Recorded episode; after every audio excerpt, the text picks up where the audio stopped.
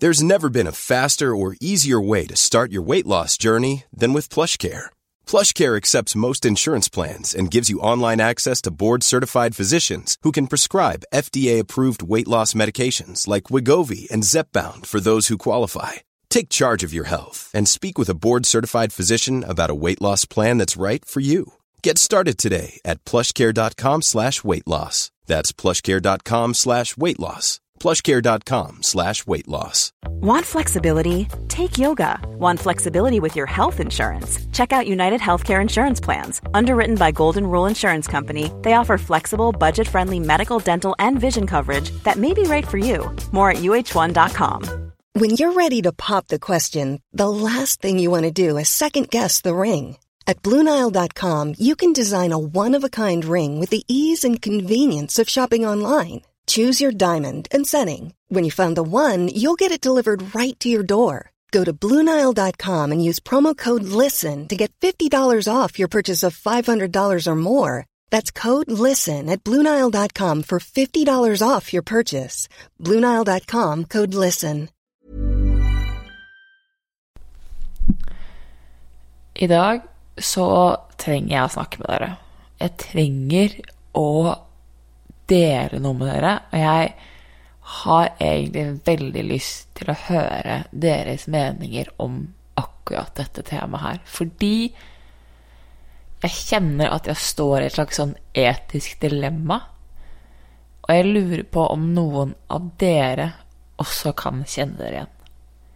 Det jeg har lyst til å snakke om i dag, er noe så vanskelig sårt, fint og magisk på en gang. Nemlig drun, sex. Bom, bom, bom.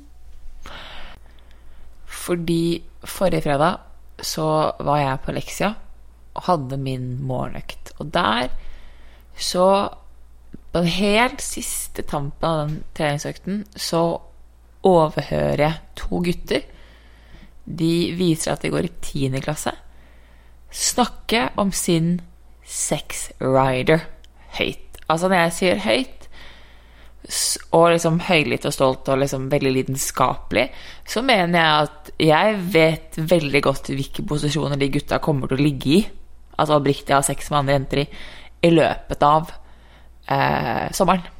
Jeg vet, vet, hva som er på rideren, jeg vet hvor mange poeng ja, ja, De ga hverandre poeng på hvilken posisjon de skulle få det til i, etc., etc. Og det som er at en del av meg hadde veldig, veldig lyst til å korrigere de og sette de på plass. Litt sånn ovenfra og ned. Gutter, det er ikke sånn du behandler en dame. Eller en kvinne, for den saks skyld. En annen del hadde lyst til å beskytte de og si gutter hvis dere ikke vil at hele leksia skal høre om deres sexliste, og det dere planlegger å gjøre i sommeren, så vil jeg kanskje dempet volumet litt. Og så var det én del av meg som ble veldig lei seg. Som gjorde at jeg ikke sa noen ting. Men jeg gikk egentlig med en sånn dårlig følelse av magen i magen ut. Og på vei hjem så skjønte jeg hva den følelsen forsøkte å fortelle meg. For disse gutta er ikke problemet. Det er et symptom på noe som er mye, mye større enn de. Og den følelsen de snakker i, den usikkerheten, det behovet for å bruke sex som en slags prestasjon, sex for oppmerksomhet eh, Det å bruke kroppen sin på den måten der har jeg også gjort. Og det er den delen, det er den klumpen i magen representerte den enormt vonde følelsen jeg satt med hver gang jeg brukte kropp som et verktøy for å få oppmerksomhet. For å faktisk få en slags prestisje, en slags bragd. Og det rare er at det er litt det samfunnet vi lever i. Det er et samfunn vi lever i som mener at dette her Dette er svaret. Dette er sånn vi behandler sex. Det er sånn vi behandler kropp. Det er sånn vi behandler hverandre. For gutta er ikke noe bedre enn jentene. Jeg vet at det er snakk om liksom jenter med fin kropp, og man tror at er jenter og kvinner sliter med et dårlig utseende. Altså, gutta like mye press. Og det var det som var, egentlig var litt funny med disse ja, La oss kalle det Per og Pål. Per og Pål på Rexia. Gutta fra 10. klasse på Fornebu heter nå Per og Pål. Og Per og Pål sto og snakket høylytt om sine posisjoner, hvor de skulle ligge, og som de skulle gjøre. Jeg tror det var liksom 25% for doggy. Um, det var x antall poeng for 69. Men så sier han ene at tenk La oss si Pål, da, fra Jærenland. Kjære Pål sier at åh, tenk så jævlig fett det hadde vært da, hvis du kunne Dette er resten min versjon av en tiåring. Å, oh, jeg er så nerd! Ok, anyways. Um, han sa liksom, å, tenk så jævlig fett det hadde vært da, hvis du kunne talt 69 opp ned, liksom 69 up down. Og så sier da Per at Ja, kommer an på hvor, hvor tung hun er, da. For jeg veier faktisk bare 52 kilo, så jeg kan ikke veie mer enn 40, for det klarer jeg ikke å løfte. Og da var det liksom igjen, da, en del av meg som fikk vondt av Per. Fordi tenk så sykt kjipt, da. Å føle på den Altså bare den begrensningen om at ikke bare er det press for jenter om å være en viss størrelse, men også press for gutta på å være store, sterke machoer som de faktisk kan løfte. La oss bare kalle hun eh, Kari og Trude, da. Opp og ned. Og så lurer jeg på hva er det som gjør at dette her er kulturen som våre tiendeklassinger vokser opp i? Hva er det som gjør at dette her er der vi har endt opp? Og igjen, når jeg begynte å tenke tilbake da jeg gikk i tiende, så tenkte jeg Var jeg sånn? Men jeg var så opptatt av idrett på det, punkt, altså på det tidspunktet der at jeg tror ikke jeg visste at det var noe som het 69 igjen, eller 69 en gang. Eh, men hva er det på en måte min Det jeg lurer på, er hva med dere? Kjenner dere igjen? Har dere brukt kropp? Har dere brukt sex for en måte å hevde dere på? Har dere brukt det som en måte med et verktøy for å få oppmerksomhet, for å bli sett av andre mennesker rundt dere? Og hvordan har det, få, har det fått det, dere det til å føle? Og ikke minst, hvem har lært dere om sex?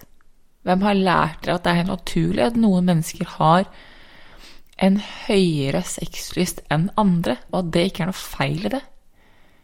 Eller at noen er mer utadvendte, har en mer ro i kropp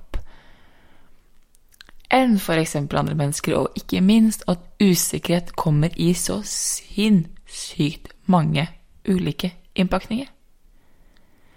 Fordi veldig ofte så kan man tenke at ja, men de som snakker høyest, de som er mest høylytte, det er liksom de tryggeste.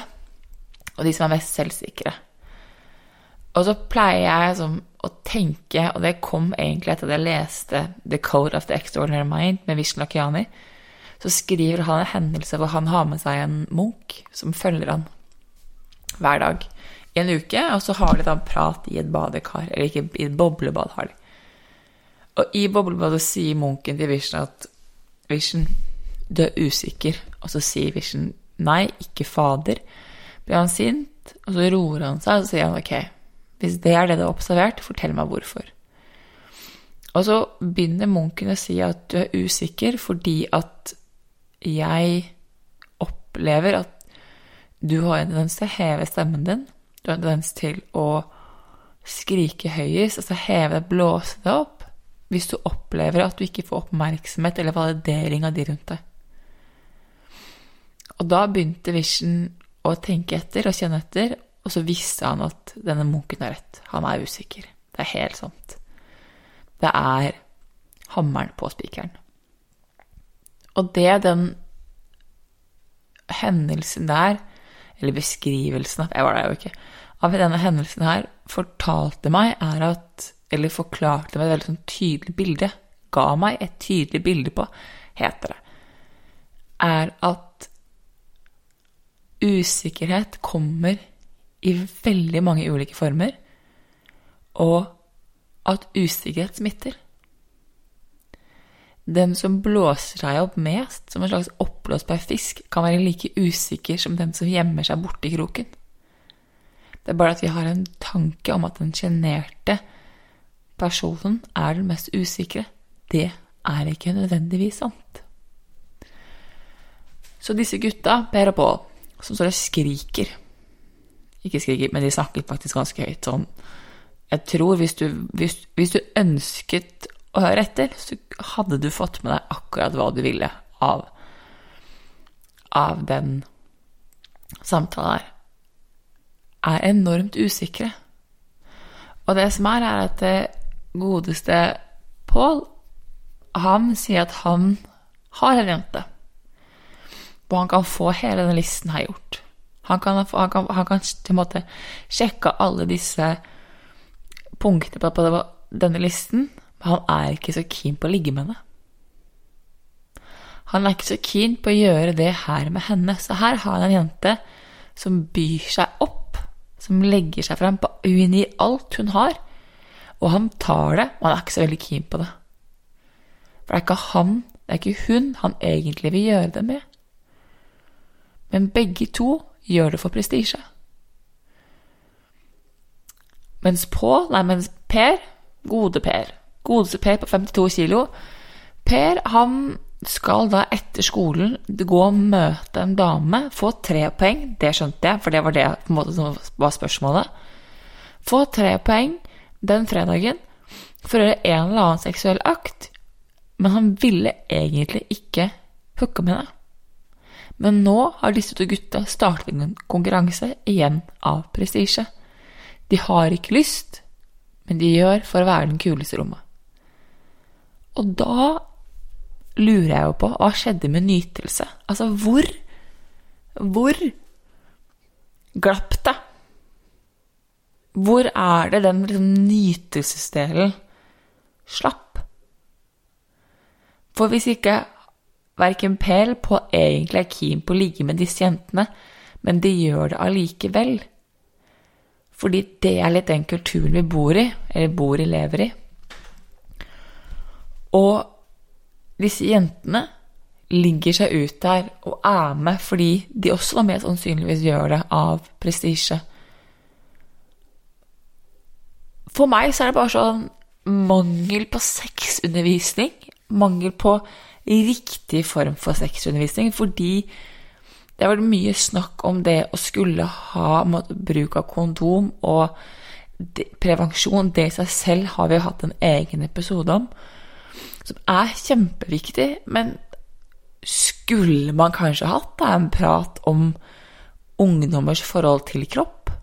Og ungdommers forhold til liksom sex, og hvordan det kan være helt fantastisk, nydelig, magisk kanskje den mest intime og sårbare opplevelsen du kan oppleve, samtidig som det kan være en helt jævlig grusom, unnskyld uttrykket for banne, og skamfull episode du aller helst har lyst til å glemme.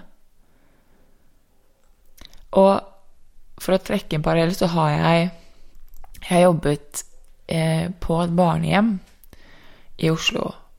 Da jeg bodde i San Diego, så hadde jeg en sånn sommerjobb, eller feriejobb, kan man kalle det. Ja. Jeg jobbet der, jeg var vikar. Ringevikar var jeg, eh, i ferier. Jeg jobbet på en eh, barnevernsinstitusjon for barn som bodde um, Som ble tatt fra hjemmestedet. Ja, anyways. Vi jobbet på en barnevernsinstitusjon, og jeg jobbet med veldig mange ulike barn. I en periode så hadde vi eh, to gutter som på en måte var på vei ut. Altså de var blitt for gamle for å bo der. Så de var egentlig på vei ut. Altså, det er den fasen hvor de måtte gå fra å være gutter over til å bli eh, tenåringer. Og så hadde de da selvfølgelig, som den eh, begynte å oppdage porno og sex. Og han ene og jeg, vi på en måte ble eh, Vi hadde en veldig god tone. Men det veldig, veldig, ble veldig, etter hvert et veldig så stort sexfokus med akkurat det barnet her. Og det, det, som var interessant, var at måten han la det frem på, med den selvsikkerheten og liksom den cockyheten og bare Jeg gleder meg så sykt jeg skal ligge med hunden og bla, bla, bla, bla, bla. Så tenkte jeg bare for meg selv inni hodet mitt at jeg syns litt synd på deg, tenkte jeg, fordi at den dagen hvor du kommer til å ha sex første gang, hvor du skjønner liksom egentlig Du får den kroppslige opplevelsen. Det var noe helt annet enn det du ser på nett, som er porno. For porno er liksom én ting, og så har du den faktiske, den sykt rare opplevelsen som vil være, og usikkerheten som kommer. Jeg vet ikke om dere, men som er den derre Åh, er det sånn her jeg skal være? Dette var rart. Det var en veldig merkelig følelse. Helt ny følelse. I alle dager foregår her? Altså, kroppen skal gjennom en helt ny greie den aldri har gjort før. Det er ikke noe sexy over det. Jeg husker jeg tenkte liksom at den dagen du Mest sannsynlig så kommer han ikke til å liksom innrømme det. Fordi du ønsker ikke å miste try, eller miste try, Jeg var på vei til å si trynet. Ansiktet. Eller ansikt. For man skal være superkaki og kjepphøy, men jeg tror for veldig mange mennesker så ligger det en enorm usikkerhet knyttet opp til kropp. Og jeg bare lurer på hva er det Hvordan kan vi som samfunn hjelpe hverandre? Hvordan kan vi som medmennesker hjelpe hverandre? For det burde ikke være sånn at fra at du er tenåring, så må du gjennom liksom tenårene og 20-årene før du liksom kan begynne å kjenne på en form for Kanskje også til 30-årene, før du kan kjenne på en form for aksept og tilhørighet for egen kropp. Eller tar jeg feil? Gjerne, gjerne send meg en melding eller en DM og kommenter. Jeg bare Jeg syns bare er så leit, da, at det er her vi er. Og hvis jeg ønsker hvis jeg ønsker at min nevø og niese, eller eventuelt mine barn, når de den tiden melder seg, skal vokse opp i en annen kultur, så må jeg tørre å ta et standpunkt. Jeg må tørre å ta et litt annet standpunkt og være en bidragsyter for at den utviklingen og trenden her snur. Fordi det er som jeg har sagt det før, altså det sitatet 'gjør som jeg sier, men ikke som jeg gjør', funker ikke. Den tenåringsgenerasjonen og de yngre, de snur seg til oss. Og så ser de hva er det de gjør. Hva er det disse gjør i dag? Hvordan er det de behandler andre for Eller andre mennesker, og ikke minst seg selv? Og slik lager de en egen tolkning. Og da er det veldig fint å si at jeg er superselvsikker og uberkaki, men folkens, igjen, da. Barn og tenåringer er en racer på å plukke opp følelser under, og de leser det du selv ikke ser. Jeg er um, Vi er et veldig godt eksempel på det. Så er jeg Jeg dro på hytta i går. Skal få lov til å ha magisk hjemmekontor fra Hvaler. Altså, jeg har havutsikt mens jeg snakker. Prima, ikke sant? Elsker jo livet her nede. Her er det faktisk her jeg skrev um, en god bit av dere på livet. I hvert fall. På stenbruddet, bruddet som hytten heter, fra 1970-tallet, uh, bygget i et, ja, heller gjettet riktig, et stenbrudd ti poeng til dere, så eh, Så pleier min mor alltid å stenge vannet når hun går. Eh, så vi må alltid skru på vannet, hovedkranen, for det er sånn hvis et rør ryker så, og vannet av, så er det ikke så Ja, det er en forsikring, det er en gammel hytte. Eh, så Anyways, poenget er at vannet skrudde av, så jeg måtte skru på vannet i går jeg kom. Og det er alltid, det gjøres alltid der vannpumpen står, så jeg går ut, og så skal jeg skru på Åpne opp den det skapet og skru på den eh, hovedkranen. Men idet jeg åpner den døren, så legger jeg bare merke til at det er veldig, veldig mye veps der. Så jeg bare Dette er rart. Og så åpner jeg opp, så ser jeg bare som et sånt stort vepsebol som henger i taket. Og jeg bare sånn Helt satt ut. Og første jeg ringer mor, er bare Har du skrudd av vannet? Så hun bare Ja, selvfølgelig. Så jeg bare Ja. Du, er du klar over at det er vepsebol? Du kunne gitt meg heads up om at yo, det er et vepsebol ved hovedkrana, liksom. Hun bare Vepsebol? Det er det ikke. Så jeg bare Mor. Det, altså, hvordan har du ikke sett det vepsebolet, da? Det henger buksa altså rett ned. Du ser det når du åpner døren. Hun bare nei. Det har ikke hun sett, for hun skulle inn, stenge kranen og så gå. Så hun har sett det hun skulle se. Hun har sett kranen. Jeg har derimot et litt annet bilde, og det er det poenget mitt er at med usikkerhet, med våre blokkeringer som vi har med fra vår fortid, med vår historie, så er vi ikke alltid helt klar over hva som faktisk henger i den døråpningen. Som et slags vepsebol som andre vil plukke opp. Vi ser kun det vi vil se, eller har planlagt å skulle se. Og det er derfor liksom jeg egentlig er glad for at jeg ikke sa noe til Per og Pål, at jeg ikke kommenterte og ba dem å dempe seg. Fordi, som sagt, de er ikke et problem, de er symptomet. For jeg har selv vært der. Jeg har selv gjort det de gjør. Jeg måtte jobbe meg gjennom det. Jeg skammet meg ekstremt for det.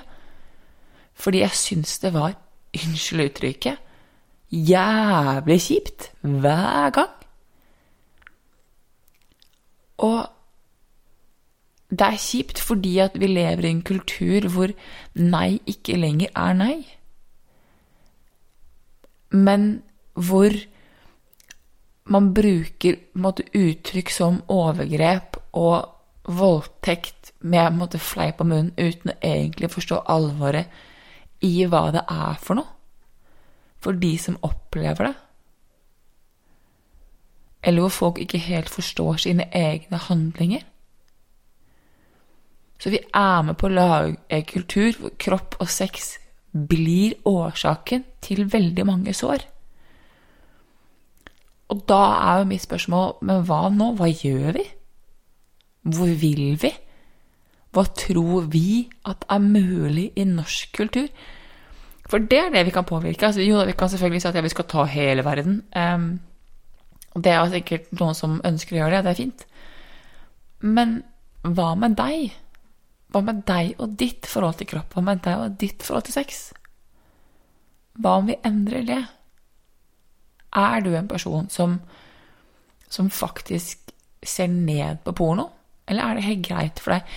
Egentlig veldig interessant. Det er en av mine favorittbøker som har vært fantastisk å lese, heter State of Affairs Rethinking Infidelity av Esteprell. Jeg snakket om den før.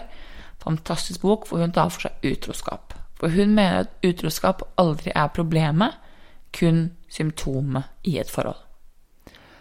Og hun har laget en TED-talk, hun har skrevet en bok. Boken er altså, jeg, Som sagt, jeg kan ikke få anbefale den nok. Den er helt prima. Så sier hun i boken så sier hun eller hun stiller spørsmålet Hva er utroskap for deg? For utroskap for noen er faktisk den fysiske handlingen. Da kan flørting være ok, men, men handlingen er feil. For andre så er porno utroskap. Porno i seg selv er helt feil. Så har du flørting er feil. Det er den, den emosjonelle utroskapen verre enn noe annet. Og det er jo egentlig litt fint å vite, for hva er egentlig utroskap for deg? Hva er ditt forhold til Altså, hvor går grensen for deg? Er det den emosjonelle påkoblingen som hadde vært verst? Eller er det den faktisk fysiske koblet opp mot sex? Og det jeg liker veldig godt den boken, her, er at hun, hun setter et sånn tidsperspektiv på vår sexutvikling og kvinners frigjøring i et litt annet perspektiv. For du skal huske på at det er faktisk ja, kvinner har hatt stemmerett i litt over 100 år. Um, jeg tror det er 60 år siden på en måte prevensjon kom, hvor vi kunne bestemme over egen kropp. Det er ikke veldig mye lenger enn ja, under 100 år siden før vi begynte å gifte oss for kjærlighet. Det er viktig, ikke sant? Ikke lenger av økonomiske og praktiske årsaker.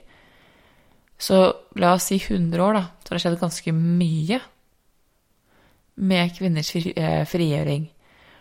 Mens mentaliteten vi går og bærer på, er fortsatt preget av det å være i avhengig av menn. Fordi mens det er 100 år siden vi fikk 100 år siden vi fikk eh, stemmerett, cirka, så er det mer, ja, la oss si da, 500 år, 600 år, så blir kvinner jaktet og brent på bål for å være hekser. Og det snakkes om det som kalles for generasjonstraume, hvor undertrykkelse går i generasjoner til generasjoner. Og selv om vi på overflaten har fått en slags frigjøring, så betyr ikke det at sinnet og kroppen og emosjonene til kvinner, eller følelsene til kvinner, er frigjort av den grunn. Ei heller til gutta. Fordi kvinner har en like stor endring Menn har en like stor endring å gjøre som det kvinner har. Kjønnsrollen er i superutvikling. Spørsmålet er er vår kulturmentalitet og følelser Klarer de å holde samme tempo? Er vi bevisst det som faktisk skjer rundt oss? Det lurer jeg på. For det er det den samtalen mellom Per og Pål fikk meg til å begynne å tenke på. Hva er mitt bidrag? Det som er, er at jeg skal Min løsning her Min tanke er jo at eneste måten for å bli bedre Nei, det er feil å si. Min tanke er jo at hvis jeg ønsker å endre noe, så må jeg bli kjent med det. Jeg kan aldri endre noe jeg ikke vet hva er for noe. Hvis jeg, og hvis jeg trenger å endre øh, Nå var du veldig god, Isabel. Takk. Prøv en gang til. Jeg pleier å si at så lenge jeg vet hva det er, så kan jeg alltid endre. Endre det. Jeg kan ikke endre eller jobbe med noe jeg ikke vet hva er. Det er det jeg pleier å si. Jeg kan ikke jobbe med noe jeg ikke vet hva er. Og når jeg selv skal ha disse blikk kjent med meg selv og faktisk finne ut av hva jeg tenker rundt ulike temaer, så pleier jeg å si at jeg går dypt. Jeg må dypt i meg selv. Og det som er litt gøy, er at når høsten kommer, så skal jeg faktisk lansere et kurs sammen med Belinda eh, som heter Bedre på livet i dybden. Hvor jeg skal ta med kursdeltakerne ned i dypet i det selv. Jeg skal faktisk veilede dem på ulike øvelser jeg gjør. Eh, blir veldig sånn egentlig intimt kurs hvor jeg skal være delaktig én gang i uken for å gi hjelpe folk til å kunne klare å gjøre jobben selv. For å kunne klare å gå i dybden med seg selv, og kunne klare å få den kjenne, å bli kjent med seg selv, slik at de kan stille disse spørsmålene og rett og slett se det vepsebolet som henger i døråpningen. Se hva som er rundt, og se hva de trenger å endre. Hva må bort? Hva kan erstattes, og ikke minst hva skal bli. Så jeg kommer til å linke til den linken i bioen, for det er en eh, hvor du kan melde fra din interesse hvis du ønsker å få mer informasjon om kurset. Jeg tror det kan bli sinnssykt bra. Det er under produksjon, det er en utvikling. Jeg bare Det tror jeg er mitt svar, da.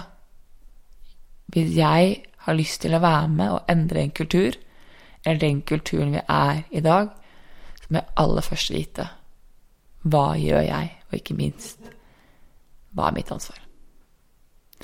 Så da ønsker jeg dere en magisk tirsdag. Jeg ønsker dere en magisk dag, den dagen du velger å høre på deg.